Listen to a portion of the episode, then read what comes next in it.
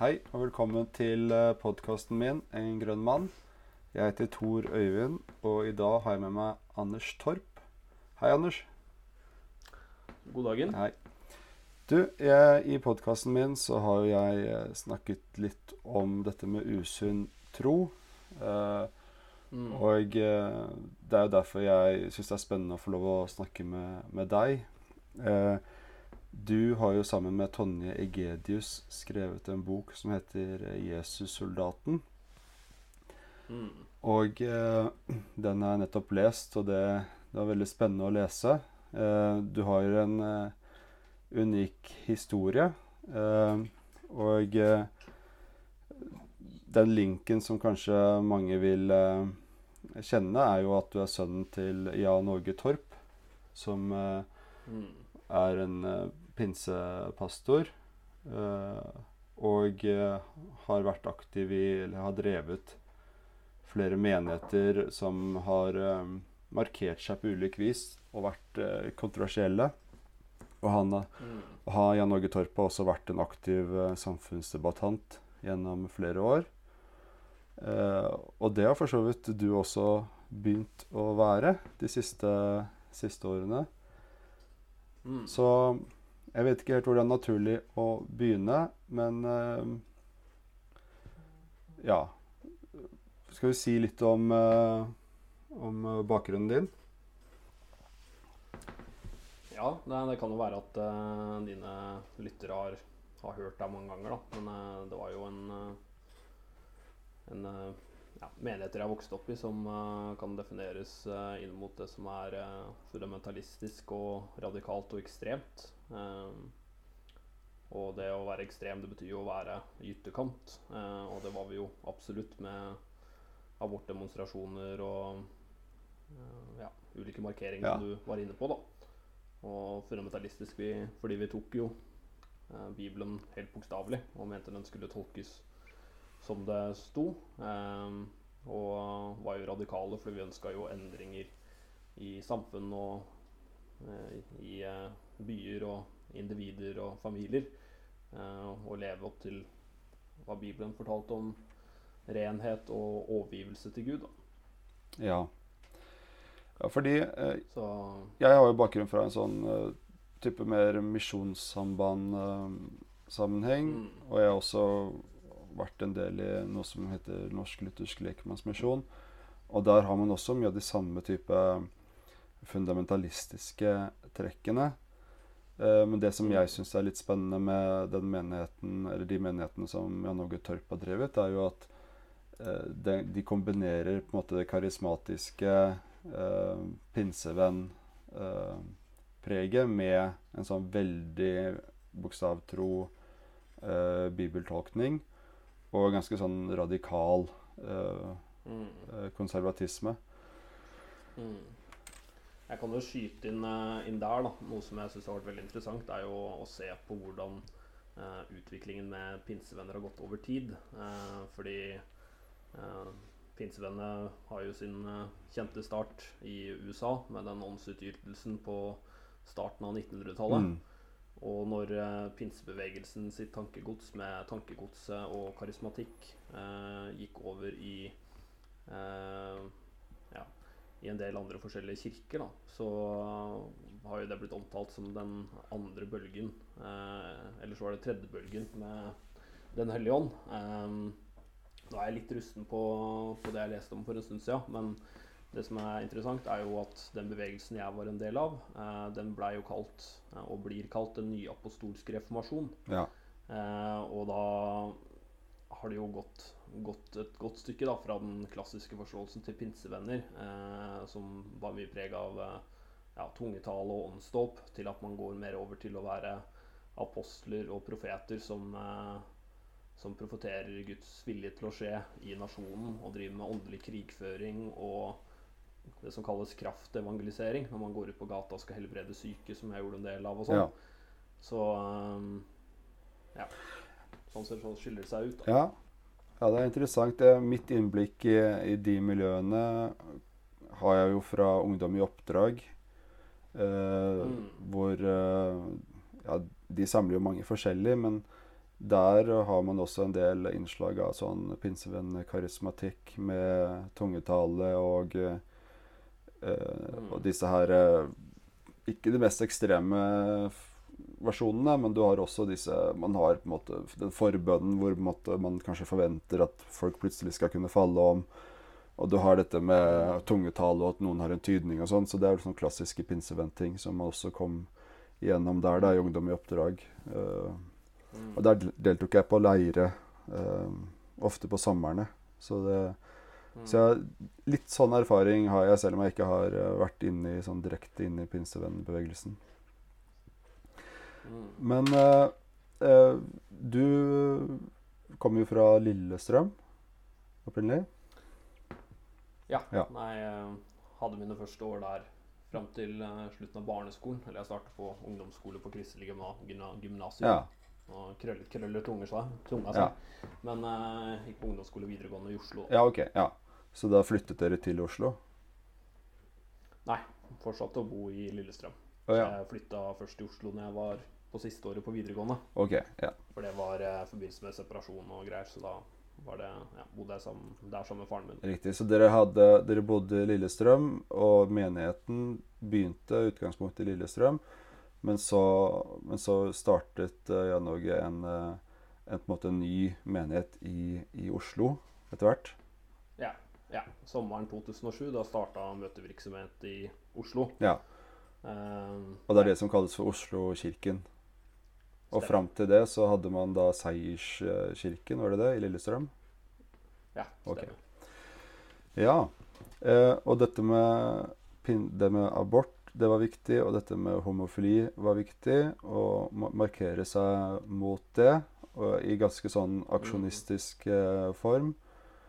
Eh, Jan Norge deltok på eh, sivile lydighetsaksjoner på kvinneklinikken. Det var eh, demonstrasjoner foran eh, Stortinget eh, osv. Ja.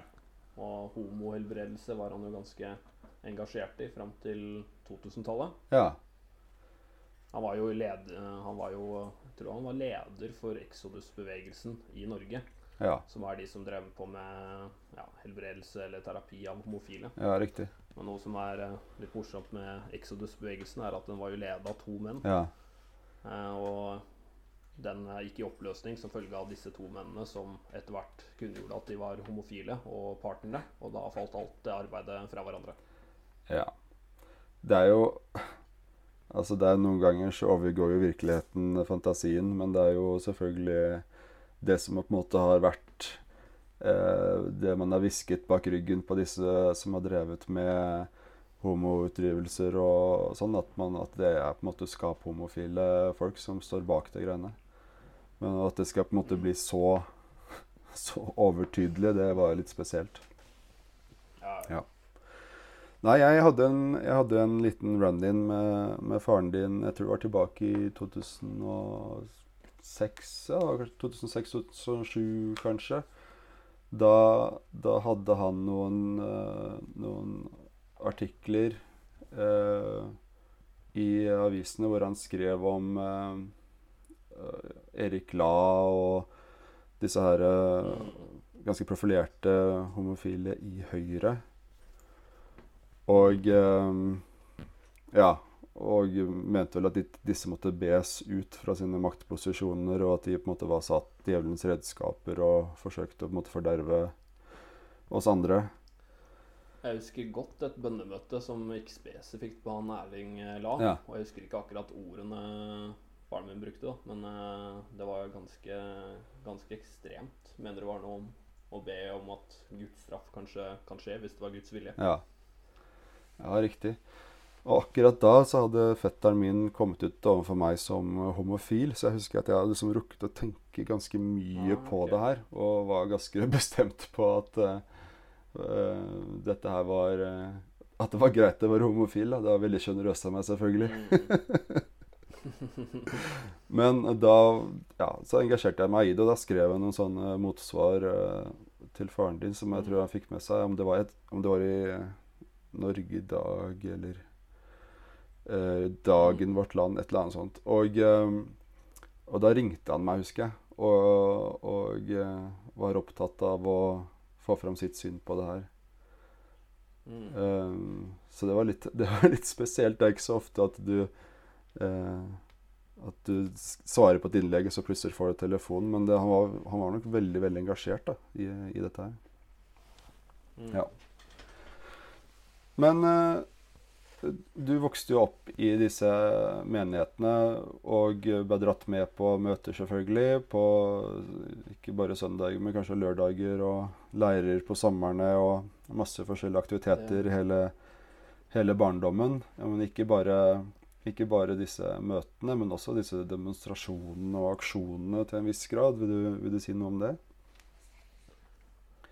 Ja, nei, jeg har jo, jeg har jo fortalt mye om eh, en av de demonstrasjonene jeg var med på da jeg var fire år. Ja. Eh, og det ligger jo for så vidt en video av den demonstrasjonen ute på, ute på YouTube. Ja. Um, og eh, det var jo veldig skremmende når jeg, når jeg hadde ja, fikk inn disse tankene om at det var en åndelig krig eh, veldig tidlig. Og så var det en eh, demon jeg så i folkemengden da, som, eh, som brant seg fast på minnet mitt. Mm. Og eh, så var det noen år, eh, noen år siden eh, som jeg så en video av denne demonstrasjonen. Og så så jeg den samme demonen som var Eller mannen da, som hadde brent seg fast i minnet mitt. Ja. Og jeg kunne jo da selvfølgelig se at det var en fyr som hadde sminka seg veldig mye opp. da. ja. Eh, men bare det at jeg som fireåring eh, lurer på om det her er Gud som eh, måtte vise meg den åndelige verden og la meg se demonene sånn at jeg kunne be imot disse demonene. ja. Eh, det gjorde jo en sånn opplevelse mye verre da, enn om det var en simpel demonstrasjon. Eller, den var jo Ja. skremmende i seg selv med malingbomber og egg og sånn som ble kasta eh, på de som var på plattformen. da. Ja, for der var det masse motdemonstranter fra Blitz-miljøet, var det sånn?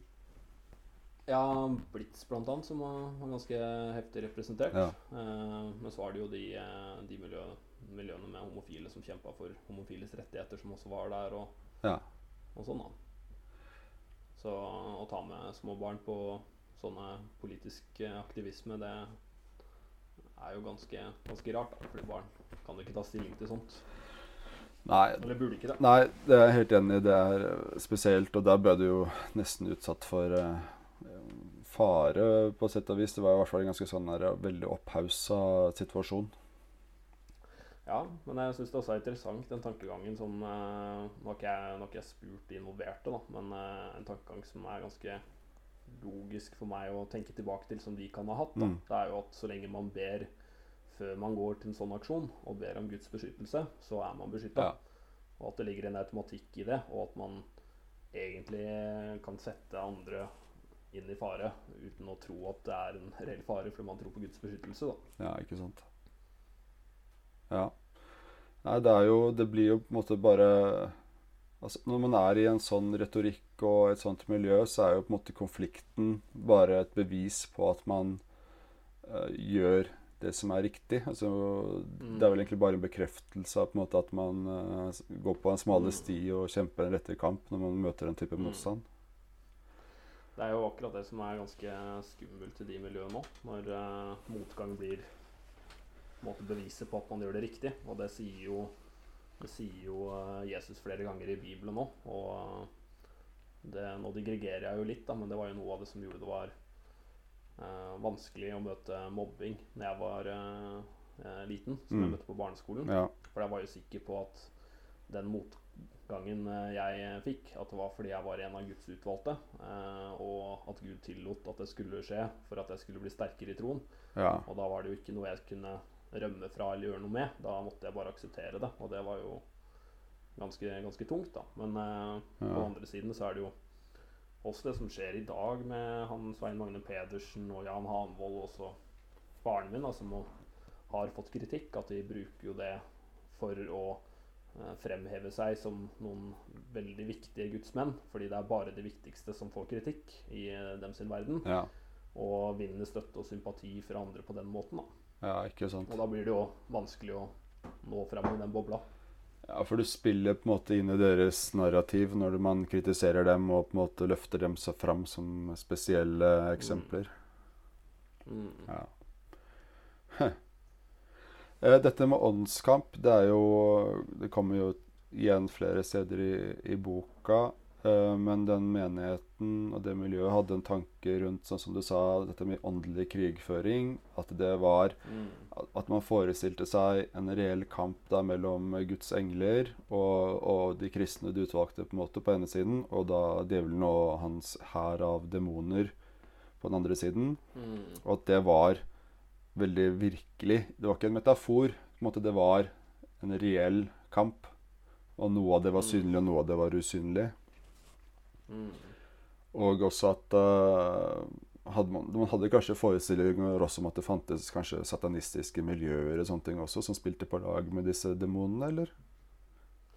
Ja, det var jo helt klart for oss. Ja. Uh, og det, det ble jo enda klarere når vi var i Zambia på en sånn menighetstur i 2007 for å bli satt fri fra demoniske makter, for å starte opp det healing-senteret i Oslo sentrum, som i realiteten var et demonutryvelsessenter. Ja.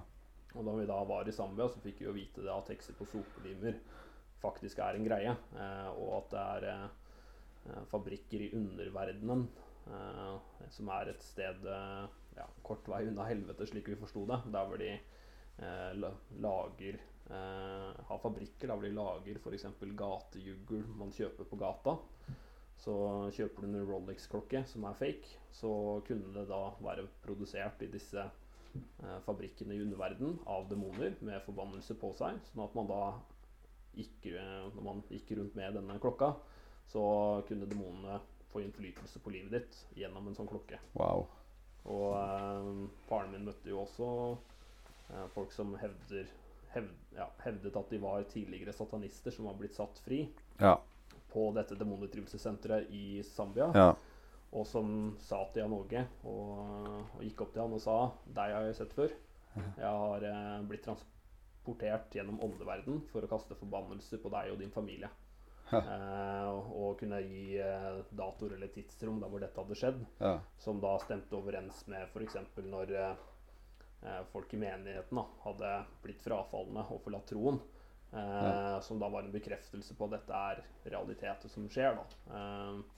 Mm. og eh, ja, Frimurerlosjen f.eks. er jo noe vi løfta fram som et sånt ondt sted der hvor det skjer eh, mye som er kobla tett mot det okkulte og satanisme. ja. Så det var jo, ja, som du sa, helt eh, reelt eh, at det var sånn. Ja. Og man brukte veldig mye tid, skjønner jeg, i forkant av ulike arrangementer og leirer eller åpninger og sånne ting på å dra rundt på spesielle steder i byen for å på en måte velsigne eller be for eller utkjempe en sånn slags åndelig kamp på spesielle steder. Ja. Nei, eh, en av de gangene av de mange gangene vi gjorde denne type ting, eh, Mm. det var jo før vi skulle åpne det demonutryvelsessenteret i Oslo sentrum. Ja.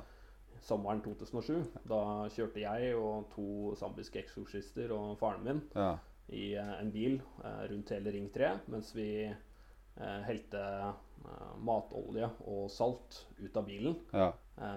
for å da forsegle åndelig sett hele Oslo for å gjøre Oslo klar for denne nye tjenesten. Mm. for å da motvirke demoner som skulle prøve å ødelegge og sånn. da. ja.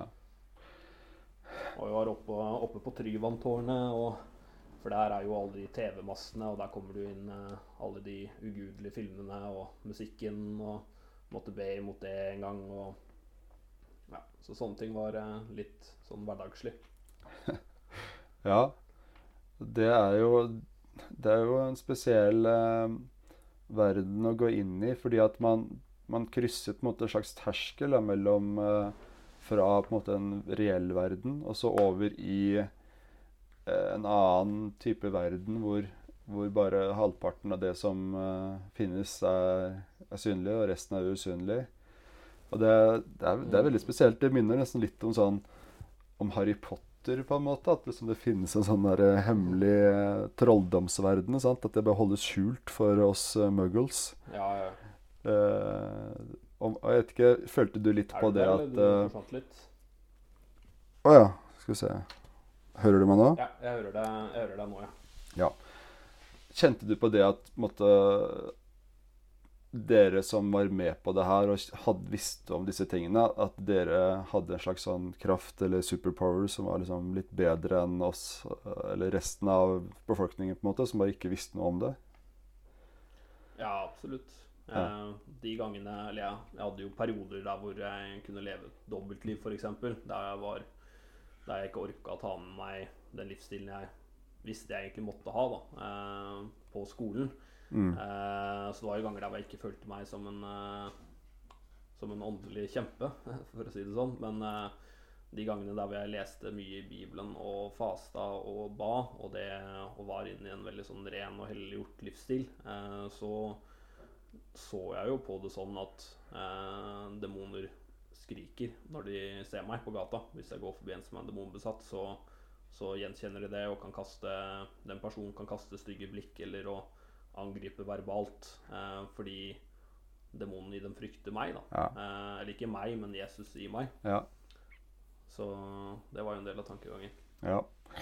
Jeg syns det er interessant, fordi jeg har jo Jeg kjenner litt til det fra egne erfaringer, men mange i Norge vil nok tenke at det der er eh, veldig spesielt, og at det må være veldig få mennesker som tenker sånn. Men det er jo ikke egentlig det hvis du hører på Hvis du drar rundt i menighetene og hører på forkynnelsen i karismatiske menigheter, i trosbevegelsen. Kanskje ikke like mye i, i de vanlige misjonsorganisasjonene, men du har jo på en måte noe av de samme tankene der også. Mm. Så Nei, ja, nei, jeg er helt enig, enig med deg. Um, det som jeg syns er litt leit, er at det er uh, ofte så lett for uh, en del kristne ledere å avfeie min historie som noe veldig ekstremt, fordi de trekker fram noen ting som uh, faktisk er ekstremt, og som er ganske sjelden skjer. Uh, Mm. Men så er det så mye på det mellomnivået da, liksom av å av å føle seg som et redskap i Guds hær og være en del av en sånn åndelig krigføring og sånt, som er mye mer utbredt. ja. Eh, men du har mange ulike nivåer av det. Du har de som går rundt og eh, på en måte befester Tryvanntårnet åndelig sett. Mm. Og så har du de som taler i tunger hjem, hjemme og ber for familien sin og kriger mot de eh, demonene de tror eh, på en måte drar en sønn eller datter bort ifra troen. Ikke sant? Så Ja. det, er, det er mye bak det, da. ja.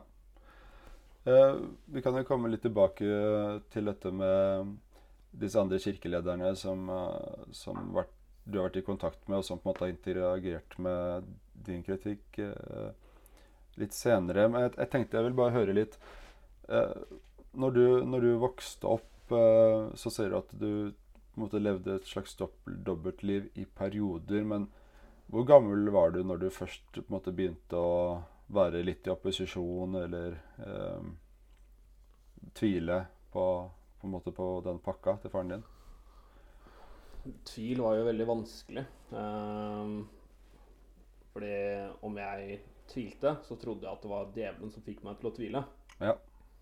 Og eh, hvis jeg tvilte på hva Jan Åge sa, så tvilte jeg på en måte samtidig på hva Gud sa. Fordi eh, jeg så jo på han som en slags gud, eller en person som talte på Guds vegne. Som var eh, en åndelig beskyttelse og en åndelig leder både i familien og i menigheten. Og også en åndelig figur i Norge. Ja.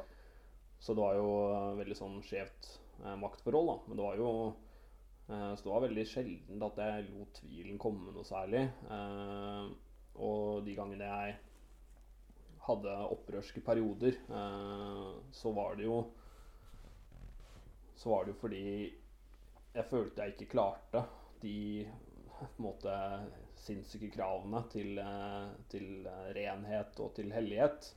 At jeg anså det som sikkert at jeg kom til helvete uansett, og jeg kunne bare like så greit prøve å ha det litt gøy først, da. Eh, Ja. Men i de fasene så eh, så eh, gikk jeg ikke rundt og tvilte noe særlig. fordi hvis jeg begynte å tenke på det eller tvile på det, så ville jo mer og mer angst komme for at nå er jeg på vei til helvete. Så jeg prøvde å på en måte ja, gi faen og være apatisk til det, da. Ehm, så det var jo først for, for meg, når jeg tok et veldig bevisst valg etter å ha bedt min siste bønn til Gud, og, og eh, at jeg begynte å tenke og tvile på veldig mye. Eh, og da var det jo en rekke med, med tanker, da. Eh, som, som Ja, da, da, kom det for fullt, i hvert fall. Ja. Ja det er interessant uh, det du sa da, at, at måte du, du skeia ut og tok litt avstand fra det i perioder, selv om du egentlig ikke eh, mistet eh, troen sånn i utgangspunktet, i hvert fall ikke i begynnelsen, men at det var mer sånn at søren heller la det bare stå til, og så får det gå som det går. Mm. Ja. Og hvor gammel var du? Var det litt i forbindelse med altså tenårene og nærmere, når du nærmer deg 18 og kunne kjøpe alkohol og litt den tiden, eller var det tidligere enn det også? Ja, eller jeg hadde jo mot slutten av barneskolen så hadde jeg jo en sånn fase der jeg ga gudfingeren. Eh, ja.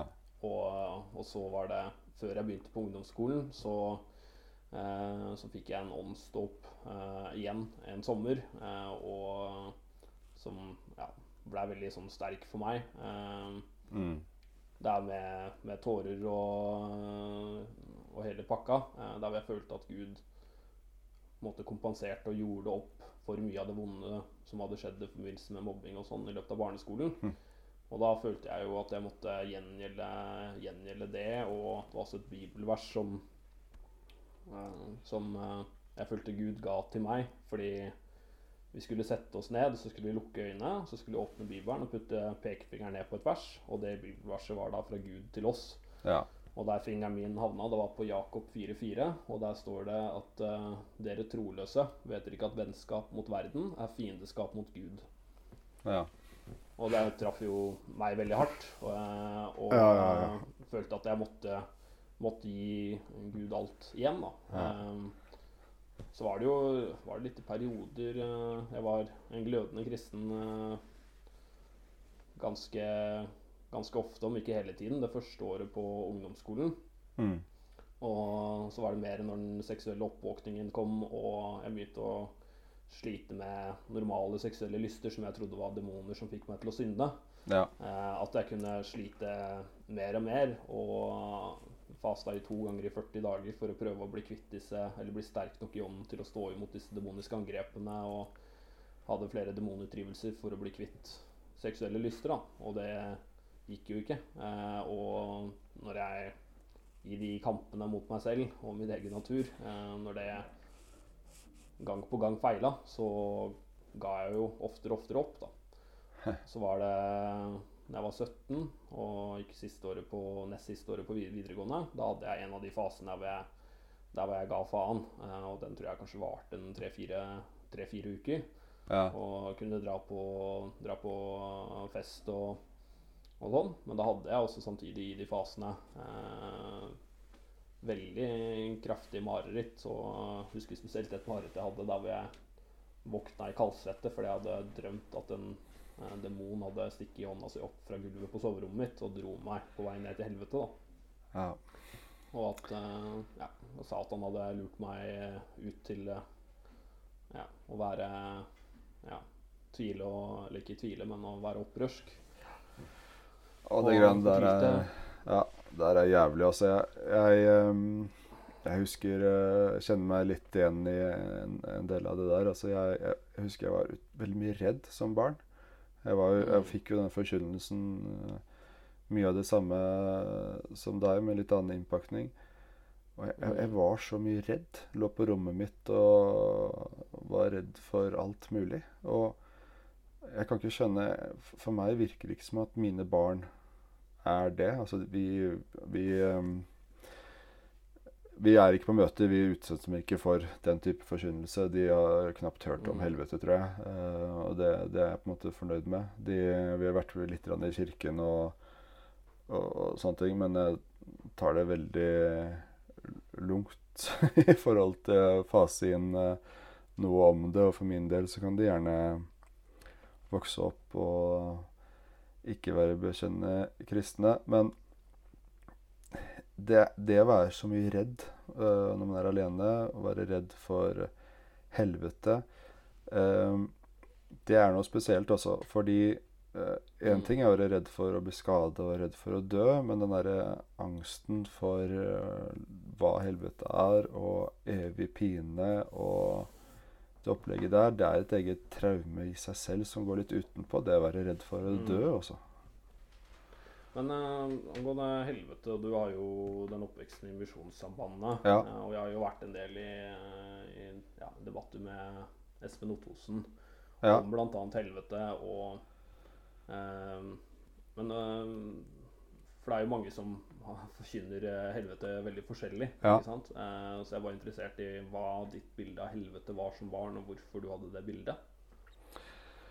Ja, det, jeg hadde vel et bilde av helvete som, eh, som ild og eh, ja, som, som, som sånn flammer og ild og evig, Mm. evig lidelse. Altså evig lidelse var et sånt begrep som var eh, brukt i forkynnelse. Mm.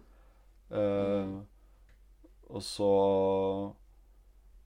Så, så det, det er nok mange som kan kjenne seg igjen i, i det, tenker jeg. Også hvis du har bakgrunn sånn fra Lekmannsmisjonen eller Misjonssambandene og litt de sammenhengene som jeg var med mye på møter i.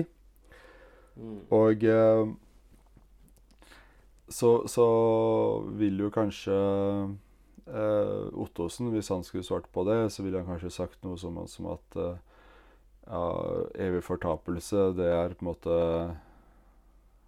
Ja, man skal, det, har, det har blitt dratt altfor mye Dante og djevler og inferno og sånn inn i dette her. Men eh, de vil jo fortsatt eh, holde fast ved at, det, at liksom livet er At endetiden er evig, da, også for de som fortapes. Mm. Ikke sant? Og hvordan, eh, hvordan ser det ut da, hvis man er e Mm. evig fortapt? Mm. Ikke sant? Så Mm. det er fortsatt uh, rimelig sånn drøye ting og veldig skremmende. Og så fyller man jo selvfølgelig på ekstra med, med egne Mm. tanker og inntrykk og forestillinger. Mm. Så eh, Så selv om kanskje fra Misjonssambandet og de som er sånn lavkirkelige misjonsorganisasjonene ikke er like fargerike i tankeforestillingene kanskje rundt dette med denne åndskampen, så er det klart at uh, man blir virkelig uh, oppdratt med den angsten for uh, helvete. Ja, det blir man. Mm. Mm. Og det er en spesiell greie, for jeg hørte jo den podkasten som Ottosen og generalen hadde, hvor de diskuterte den kritikken som du hadde kommet med. Mm. Mm. Og det de svarer Det Ottesen svarte med, var jo på en måte at ja, i min oppvekst så var jeg redd for atomkrig. Mm. At det skulle lande en atombombe på Norge, og vi skulle bli utsletta. Og det var veldig skremmende. Og, men det var jo en, på en måte en realitet. Og for oss så er helvete, eller er fortapelsen, en realitet. Så må vi få lov å forkynne om det. Men det man ikke skiller på da, er jo dette med at barn har ikke forst har ikke noe problem med å forstå forskjellen på å dø og evig lidelse, eller evig fortapelse. Det er to Mm. veldig forskjellige ting. Og det å, det å dø, det virker jo, hvis det ikke er noe mer, så virker det veldig greit i forhold til det å skulle havne i helvete. Ja, ja, ja. Jeg er helt enig i den. Og, og et skudd mot hodet er ingenting mot evig pine. Og, Nei. Men jeg syns også var interessant det, de parallellene de, de trakk da, til eh, å snakke om atomkrig i samme Samtidig som de snakker om eh, fortapelse og helvete. Det legger jo et alvor over helvete, og det er jo mye bedre å dø av en atombombe som eh, kan ta noen mikrosekunder, enn å Ja. lide en evighet i helvete. Så jeg, jeg, jeg syns de har sluppet Eller syns de har tatt veldig lett på den uh, kritikken uh, om den helvetesforkynnelsen overfor barn. Uh, og jeg håper at det blir noen flere runder på det, og at flere menighetsledere vil på en måte tenke over det på en litt annen måte. Og det syns jeg du Mm. har um, gitt et veldig viktig bidrag til. Og apropos bidra til den debatten, så har det jo nå nylig blitt laget en uh, film som heter 'Disko'. Ja. Uh, og uh, den er skrevet og regissert av Jorunn Myklebust. Mm. norsk filmskaper. Mm. Og den, den handler om uh, ei jente, 19 år, som, som har utfordringer og på en måte beveger seg mellom noen sånne ulike kirkesamfunn. Eh, og eh, det jeg har skjønt, da, er at i, i arbeidet med den filmen så har jo hun Jorunn eh, samlet eh, gjort mye research, for hun har ikke vært noe direkte del av en sånt miljø sjøl, så vidt jeg skjønte, men hun har gjort mye research eh, hos ulike menigheter, og også annet eh, om hun eh, virker som i hvert fall hun har lest boken din. Hvis hun ikke har gjort det, så har hun i hvert fall eh, snakket mye med deg om dine opplevelser. Um, og um, du er også med i filmen, faktisk, så det var jo veldig, veldig morsomt å se. Mm. Og du, du spiller vel eh, Du spiller vel din far, eh, på en måte. Du spiller vel Jan Åge. Det er vel det som på en måte er rollen din, på en måte. Nei, eller jeg fikk jo ikke noe beskjed om noe, om noe sånt. Jeg fikk bare beskjed om hva jeg skulle, hva jeg skulle gjøre, og hva de ønska. Og Ja, ok. Ja. Ja. Ja, derfor, for at du, du ligner jo ikke sånn på han, men altså, var det ikke meningen på en måte at du skulle være han, men du, at du emulerte på en måte måten han ville snakket om det, kanskje, både om homofili og sånne ting? Nei, jeg prøvde ikke å ha han i tankene der. Okay. Ok. Jeg bare jeg, jeg skulle bare stille klokka tilbake i eh, elleve år og på en måte være som jeg var før. Og be og handle som jeg hadde gjort før. Okay. Ok. Så det var jo egentlig bare naturlig for meg å gjøre det jeg gjorde sånn sett. da. Skjønner. Ok, da Mm. tolka jeg det litt feil. Men så du, så du var egentlig en sånn gammel versjon av deg selv på en måte? Eller eh, hvordan Hvis du fortsatt hadde vært i det miljøet, hvordan du ville på en måte håndtert en sånn situasjon? Ja.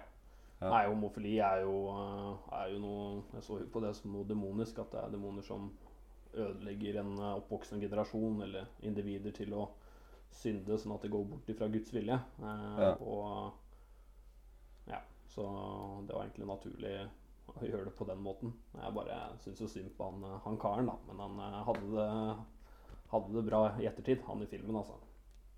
Å ja, han skuespilleren? Ja. Ja. Men hun Miriam, da, som er hovedpersonen i filmen, hun, hun eh, starter jo først i, eh, i en eh, hun, For det første så er hun verdensmester i diskodans, som er en litt sånn spesiell idrettsgren.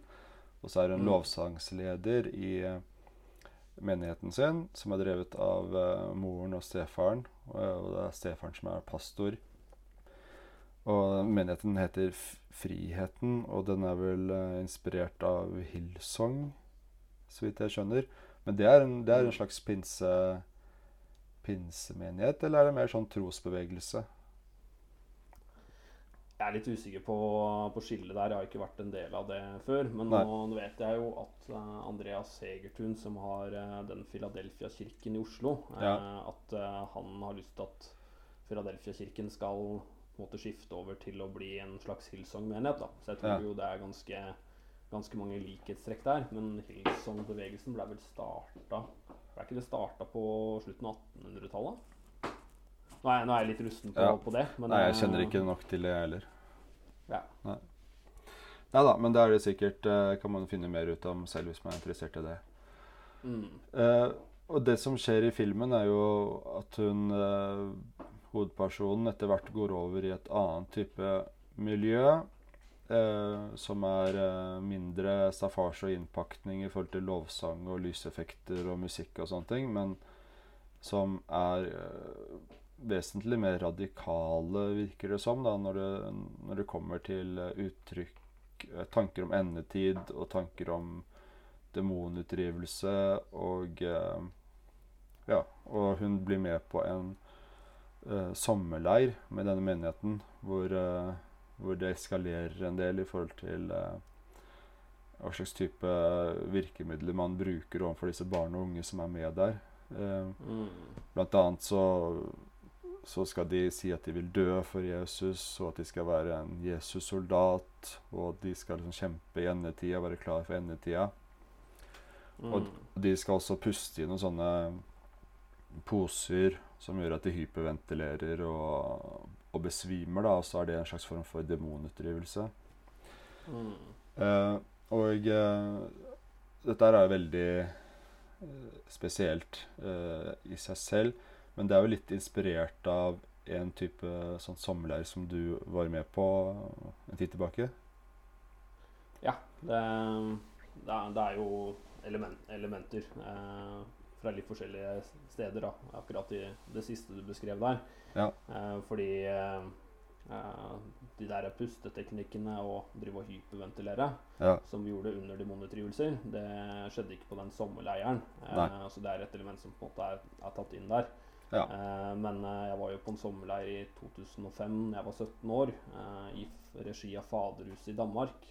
Ja. Eh, der vi øvde på ild og bevegelse, som er sånn ja, forsvarsbegrep for å eh, gi dekningsild og eh, på en måte rykke framover. Og eh, skulle ha hemmelig ID-kort og kunne bli vekka midt på natta og huske på en måte, de falske identitetene våre. Og hadde strafferunder med situps og pushups og skulle stå timevis uten å røre oss. Røre oss da. Ja. Eh, så et ganske ja, hardt opplegg, der hvor også flere av deltakerne plutselig ut av det blå kunne bli revet ut av eh, måte undervisning som vi hadde. eh, Mm. Og få hette på hodet og bli fysisk slått og eh, bli utsatt for eller grove sånn forhør da, for å få dem til å angi sine kristne brødre og søstre. og Eh, og på en måte frasi seg Jesus, f.eks. Mm. Eh, og noe som eh, skjedde mot meg, da, som også er eh, filmatisert i disko, det er jo når jeg blir eh, holdt under vann til punktet der hvor jeg trodde at jeg skulle dø, Mm. eh, og fikk eh, sand eh, pressa nedover halsen min, Mm. til punktet der hvor jeg også trodde at jeg skulle dø. da. Ja. Ja, det er Så drøye ting, og det er veldig sånn sjokkerende scener i den filmen, men det, jeg syns det nesten var enda verre å lese om det i den boka. Det må jeg si. Mm. Mm. Eh, og eh, fordi de, de gjorde vel det Hadde vel en tanke om at de skulle liksom teste deg i troa, da. Ja, det var jo sånn, eh, sånn jeg følte det da. At de skulle gjøre det. At jeg skulle si nei, nå er det, nå er det nok. At de skulle prøve å pushe meg til det. Og Mm. da hadde jeg tapt. Eh, og jeg syns jo det er liksom sånn skamfullt og Det er mye mindre skamfullt å snakke om det nå enn det det var første gangen jeg delte det i offen offentlighet. da. Men Ja. at jeg bare lå der som en sekk med poteter og lot dem gjøre der. Og var Det var jo fordi jeg var eh, beinhard mot meg selv at jeg følte jeg ikke klarte så mye annet i livet, eh, som å leve seksuell renhet. Men eh, Ja. dette skulle jeg i hvert fall eh, klare. ja. Eh, men det var jo Det var jo eh, helt jævlig og en, helt klart en traume for meg. Eh, Ja. Og for meg da har det ikke vært så følsomt å, å skrive om det eller å fortelle om det, men å se det på film uh, utenfra og se det skje med noen andre, ja. det, det var ganske hardt følelsesmessig på en positiv måte, da. Um, ja. ja, klarer ikke helt å forklare det, men, uh, men det var veldig spesielt i hvert fall. Ja, men altså det var en slags katarsis, eller det var sånn at, at du på en måte fikk gjenoppleve det i en annen form, i en annen setting, og at det kanskje kan være med på å eh, liksom hele det på en måte, selv om det er vondt å se. Det, det Jeg tror det er et eller annet i de banene der, da. Ja. For det er jo det er jo mye jeg har fortrengt uh, av Eller jeg har jo kunnet br bruke den analytiske delen av hjernen mye og tenkt mye på ting som har skjedd, uh, men eh, å bearbeide følelsene bak ting som har skjedd, det er eh, et nytt kapittel som jeg har starta på for ikke så lenge siden. Og det er jo to forskjellige ting, har jeg funnet ut. Ja. Eh, og det har tatt lang tid for meg å komme dit jeg er i dag, fordi jeg har, jeg har ikke skjønt hvor mye jeg har undertrykt av følelser. da. ja. Huh. Det var bare én ting som jeg hadde lyst til å ta, ta, ta litt tak i, eh, fordi at det har jo vært Jeg har slitt selvfølgelig med det samme i forhold til dette med eh, sånn seksuell renhet sant, som, som ungdom. Mm. Og da øh, Jeg syns det er mye lettere å snakke om og, og tenke om det nå, men det er jo sånn når man er, når man er tenåring, så, så onanerer man. Og eh, det er på en måte naturlig, og det er eh, sunt. Jeg sier bare det her også for at de som, de som lytter til det her, da, som kanskje kan ha mye forskjellige bakgrunner, skal få hørt det en gang. Og det, det bør man ikke skamme seg over når man er eh, ungdom og tenåring. Men så Mm. besettes dette her inn i en sånn veldig spesiell eh, ramme, og det er en sånn veldig tydelig synd. Det omtales som synd. Det, Mm. det blir snakket om, og noen menigheter er de på en måte opptatt av det her. Altså de, de som spør ungdommene om det, og vil på en måte høre hva, hva hvordan de forholder seg til det, og, og hva de gjør for å på en måte forsøke å kjempe mot disse driftene og lystene og sånne ting. Og eh, jeg kjempet mye med det alene, for så vidt, og jeg hadde ikke noen sånn veldig store Ja, jeg husker vel jeg kanskje var på noe eh, sånn leir hvor jeg eh, liksom ble bedt for, og så ble jeg spurt ja, hva, hva, hva ting er du sliter med, og jo, kanskje pornografi eller sånne ting, da. Mm. Men ellers var det noe som jeg sleit med sjøl, og som, synes var, som jeg syntes var fryktelig, fryktelig eh, vanskelig.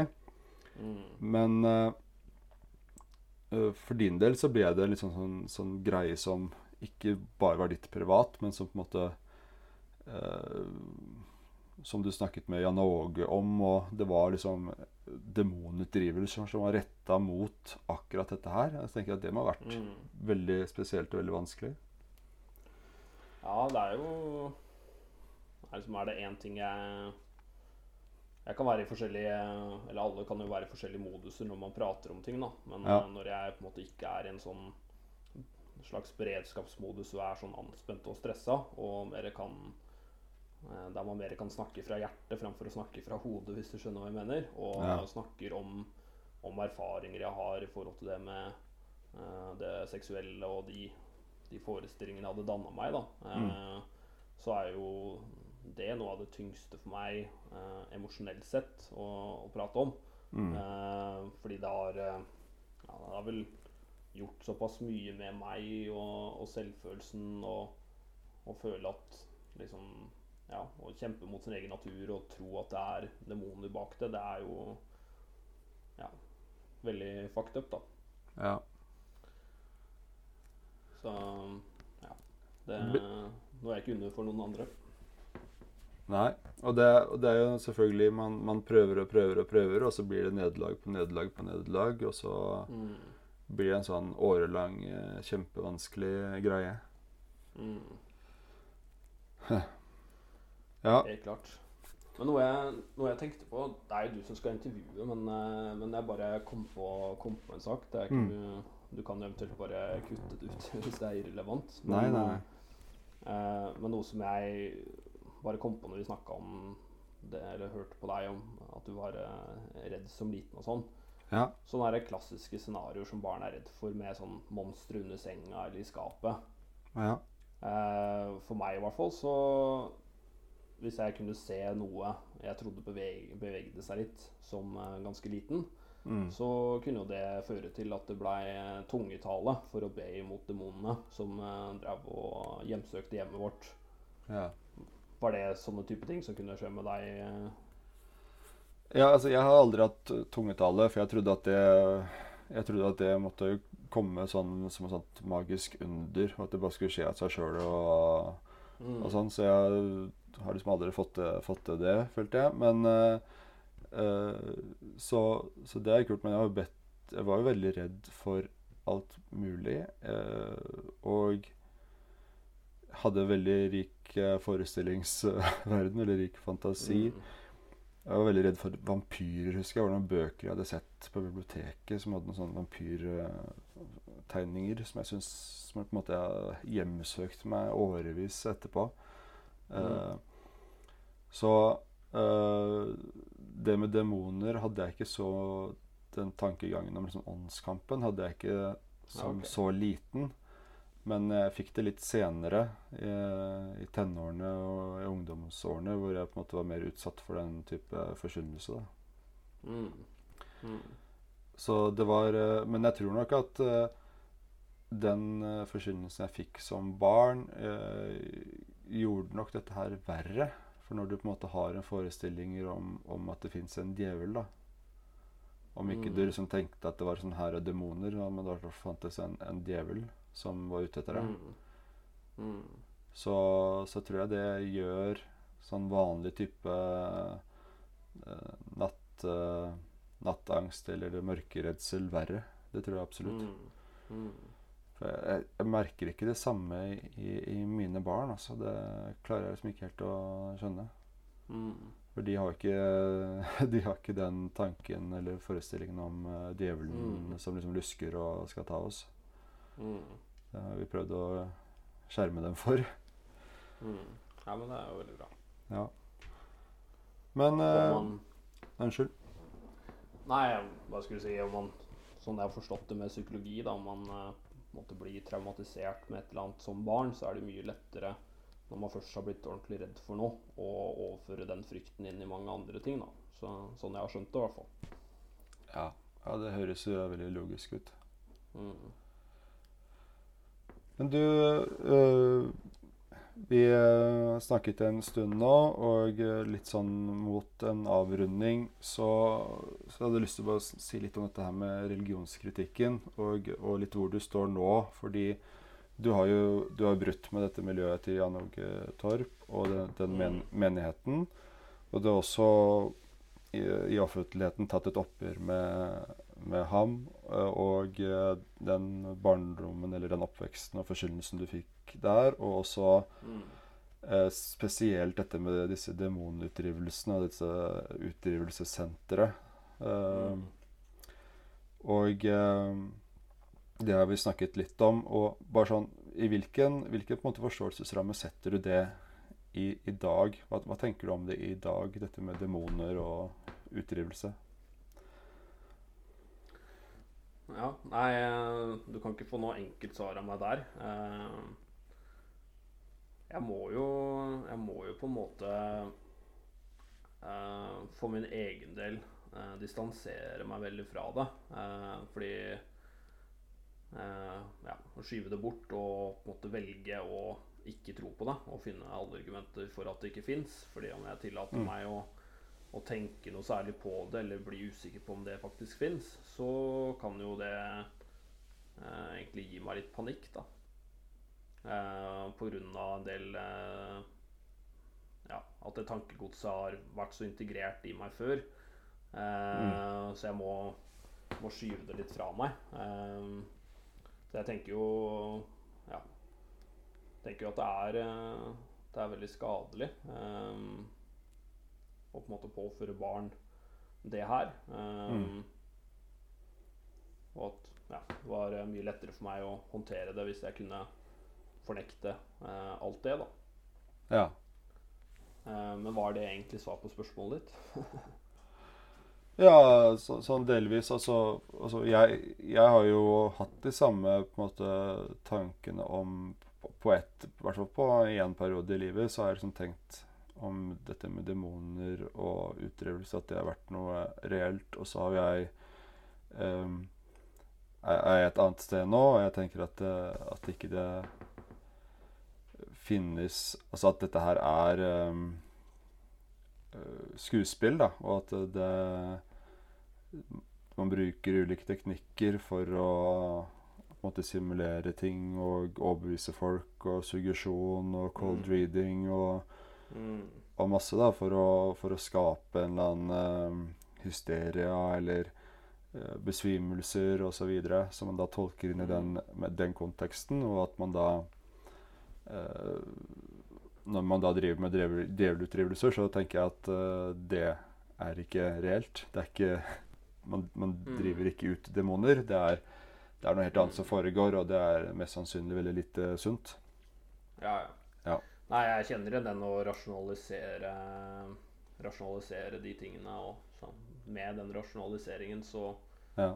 eh, Om man klarer å velge eh, et svar eh, som er logisk, så hjelper Mm. det jo også å få distansert det som noe reelt som fortsatt er en trussel i dag. da I hvert fall for min del. Ja. Så, så det har vært veldig viktig for meg òg. Ja.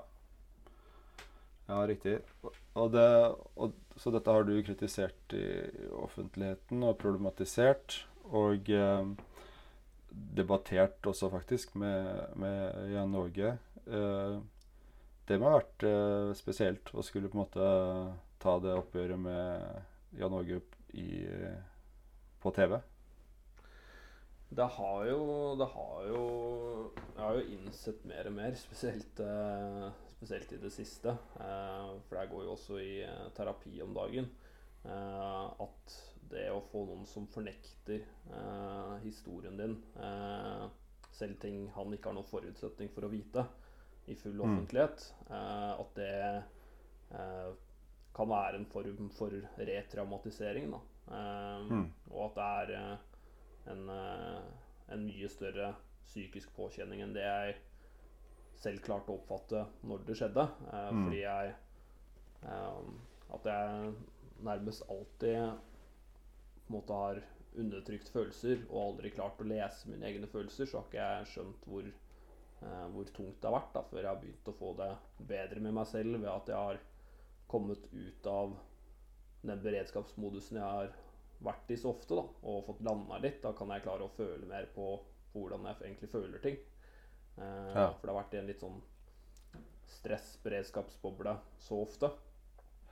Så det har, det har, kostet, det har jo kosta mye. Og jeg skjønner ikke hvordan han kan, han kan gjøre det. Eh, for å forsvare seg selv, da. Det Ja, for du opplever at han står, står og lyver på en måte om ting som du har vært med på, og som han og du begge vet har skjedd, og så fornekter han det.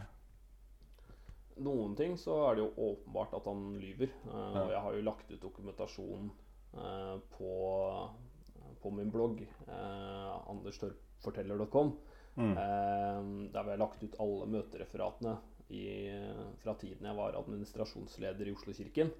Og der står det Ja. sort på hvitt eh, at det har vært masseutdrivelser i dag eh, på, på engelsk, fordi ja, de møtene foregikk på engelsk.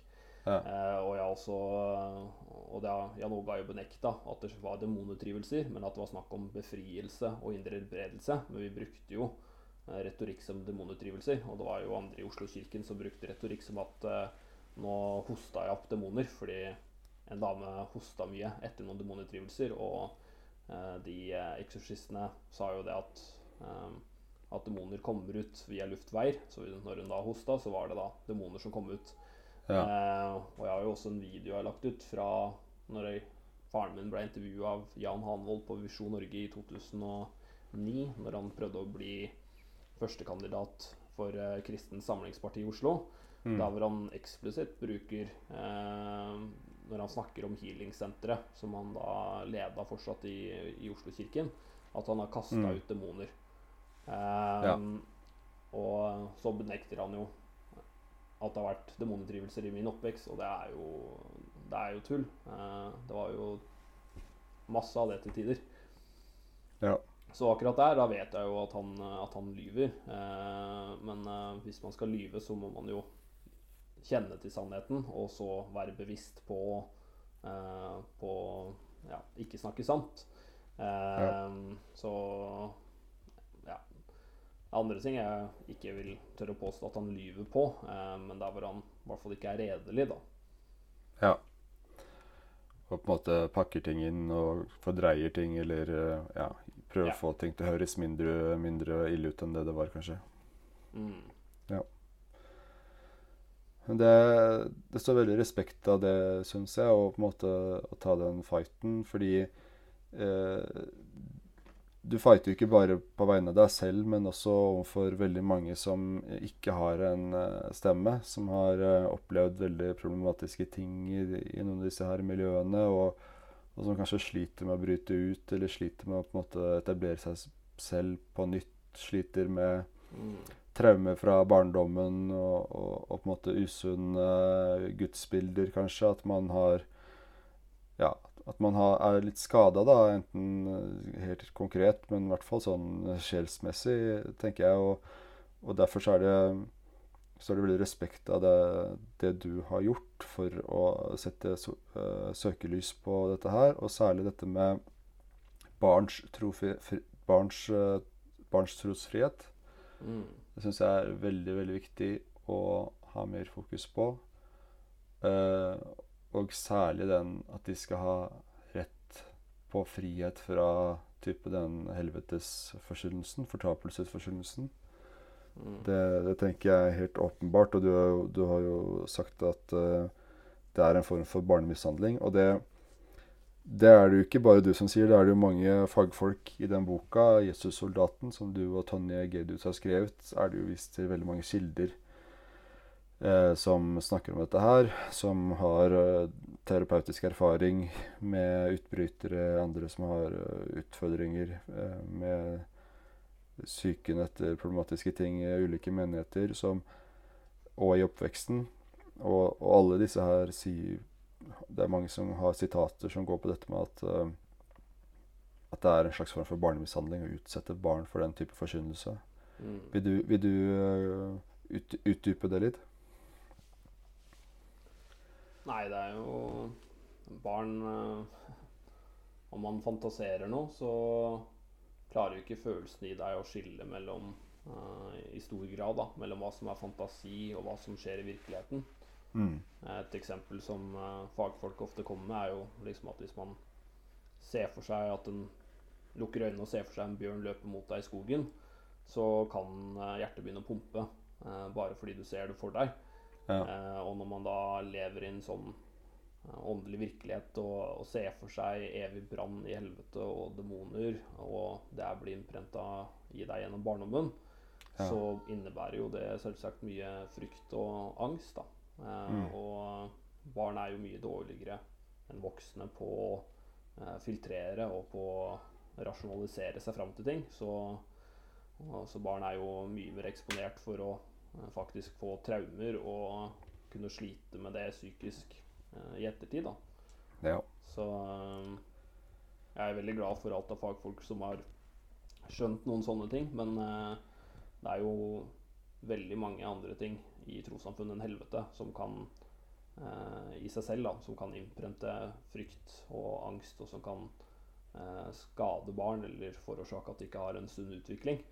ja. Så Men eh, jeg kan jo også legge til noe du snakka om i stad, fordi du eh, satte jo stor pris på eh, takken for, for det jeg gjør. Men eh, for meg så har ikke det vært Så har ikke min historie og hva som har skjedd med meg, vært grunnen til at jeg har gjort som jeg har gjort. Grunnen til at jeg har eh, valgt å gå ut i offentligheten med det her, er jo fordi jeg vet det gjelder eh, mange andre enn meg. Og det er ikke meg primært jeg ønsker å holde i fokus, selv om det blir sånn. Men jeg må jo bruke min historie for å formidle, så at andre skjønner hvorfor det er, er så alvorlig, da. Ikke sant? Og det er jo nettopp det at man eh, Du har jo dine erfaringer, og så vet vi at det ikke bare er tilfellet i ditt liv, men også at det er andre som har, har lignende eh, erfaringer, og i hvert fall erfaringer som er problematiske på, på sine måter. Mm. Som det er viktig å, at man får mer oppmerksomhet om, også fra storsamfunnets side, men også at man er flinkere kanskje i, i menighetene til å ha et fokus på eh, hvordan snakker vi om, eh, om helvete og fortapelse overfor eh, barn, og at man på en måte forstår bedre den eh, fantasiverdenen og den måten barn forstår og setter seg med sitt verdensbilde på, sånn at man eh, Mm. tar mer hensyn til det, og kanskje gjerne sparer litt på Hvis man absolutt skal ha en type helvetesforkynnelse, så at man sparer på den til man eh, er eldre. Så man ikke skaper traumer hos folk. Mm. Det står jo Eller det er jo mange som tolker noen bibelvers i, eh, i retningen Jeg husker ikke ordrett eller hvor det står, eh, men at barn inntil en viss alder er eh, uskyldige, på en måte, og er garantert å komme til himmelen. Mm. Eh, så uh, hvis man følger den eh, juridiske definisjonen av barn og 18 år, så kan man jo kanskje vente med all den helvetesforkynnelsen til i hvert fall man er voksen. da. Fordi hvis man Ja. er garantert å komme til himmelen, så trenger man ikke å være redd for å synde eller ikke være god nok for Gud og frykte helvete og, og, og demoner. I hvert fall før den tid. Og jeg tror det kunne spart mange fra, eh, fra mer alvorlige traumene. Ja. enn når man er barn og blir påført det her, og ikke klarer å beskytte seg selv følelsesmessig. da. I hvert fall i like stor grad som man kan hvis man er voksen. Ja, det er noe det, det er noen som har sagt det, det er ikke jeg som har funnet på det, men hvis man venter med å fortelle barn om religiøs tro, så er det litt sånn som med omskjærelse. Hvis man venter til man er 18, så er det ganske få som er så veldig interessert. Mm. Og det er jo også det jeg syns er litt eh, Ja, som burde vekke mer oppsikt. Det er jo det at det er mange frimenigheter som har et såkalt eh, 4-14 4-14-vindu, som de kaller det. At Mm. barn mellom 4 og 14 år At det er da man må få troen inn på barn. Fordi eh, om, om de blir eldre enn det, så er det mye vanskeligere å påvirke dem. da Ja. og eh, når eh, det er lover i Norge som beskytter barn fra markedsføring, fordi barn er ekstra sårbare for markedsføring, så Mm. burde jo også folk våkne litt opp og skjønne det at eh, barn kan bli veldig sterkt påvirka av eh, religiøse forstandere som prøver å få dem til å bli religiøse. ja. Og da kommer vi inn på dette her med hvor reell er trosfriheten for barn som vokser opp i denne type menigheter, hvor man Mm. da nettopp har et sånn type fokus på at nå må vi virkelig sette inn støtet før de, før de på en måte de blir for gamle og begynner Mm. å sette mer spørsmålstegn ved ting. Mm. Og det kommer jo også fram i den filmen 'Disko', som, eh, hvor hun hovedpersonen da blir spurt av en eh, psykolog, og så da 'Tror du på Gud?' Og så svarer hun 'Jeg må jo det'. Mm. Og det, det er en sånn en liten replikk i en stor sammenheng der, men det er jo litt sånn betegnende. Det er Hvor er egentlig samvittighetsfriheten? Hvor er trosfriheten for de barna? Mm. Og det er jo mange jeg har prata med også som har eh, valgt å forlate troen. Eh, noen har gått fra å være i et veldig ekstremt miljø til, eller radikalt miljø til å gå over i et langt mer liberalt miljø. Men Mm. selv den overgangen til noe mer liberalt, så er det jo mange av dem jeg har prata med, som har frykta helvete. Eh, fordi de har gått fra ja, skifta over til en litt mer liberal tro. Og da Ja. syns jeg jo det prinsippet om religionsfrihet viser seg veldig sterkt. Eh, Ja. At eh, når man blir kjemperedd for helvete bare for å moderere troen litt, så er det jo et problem. Og man har ikke frihet til å være religiøs da. Nei. Eh, eller til å ja, velge å bli det eller ikke. Nei. Nei, altså sånn avslutningsvis, eh, Anders. eh, jeg setter veldig stor pris på denne samtalen her. Og Takk sammen. jeg, jeg har jo laget denne podkasten her hvor jeg liksom utforska noen temaer rundt dette her med tro og tvil. Og en av episodene handler jo på en måte om eh, fra kristen til ikke-kristen og, og tilbake igjen. Og det, jeg har jo gått en lang vei hvor jeg jeg ser meg vel ikke som, eh, som kristen i dag, men jeg er jo fortsatt eh, veldig sånn inne i hele tankegangen og kulturen og Mm. Man blir på en måte helt, aldri helt ferdig med det likevel. Og, Mm. og, og hvor, uh, hvor befinner du deg hen? Og så er vi er, du Regner du deg fortsatt som en kristen? Nei, var jo med en gang etter eh, trosbruddet mitt, så Mm. uh, skifta jeg veldig fra dag til natt over fra å kalle meg eh, en Jesu disippel til å kalle meg eh, en ateist og fornekte Gud. Og jeg Ja. tror noe i det lå i at, som jeg var litt inne på i stad, at jeg måtte fornekte det og få det som på en måte jeg trua meg på en trygg avstand. Ja. Og så var det vel noen, noen år etter noen år som ateist, så begynte jeg å skjønne det at ingen kan bevise Gud, og da kan man heller ikke motbevise Gud. Så Mm. da er vel det mest riktige eh, av meg å kalle meg agnostiker og erkjenne det at jeg ikke vet. Eh, Ja. Fordi ingen vet jo egentlig. Nei.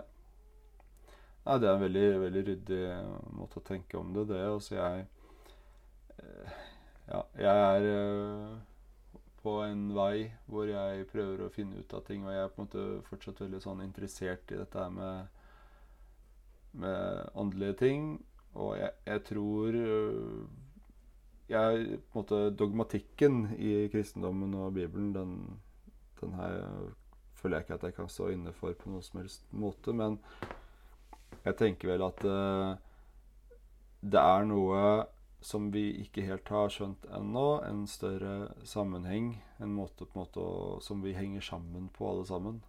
Mm.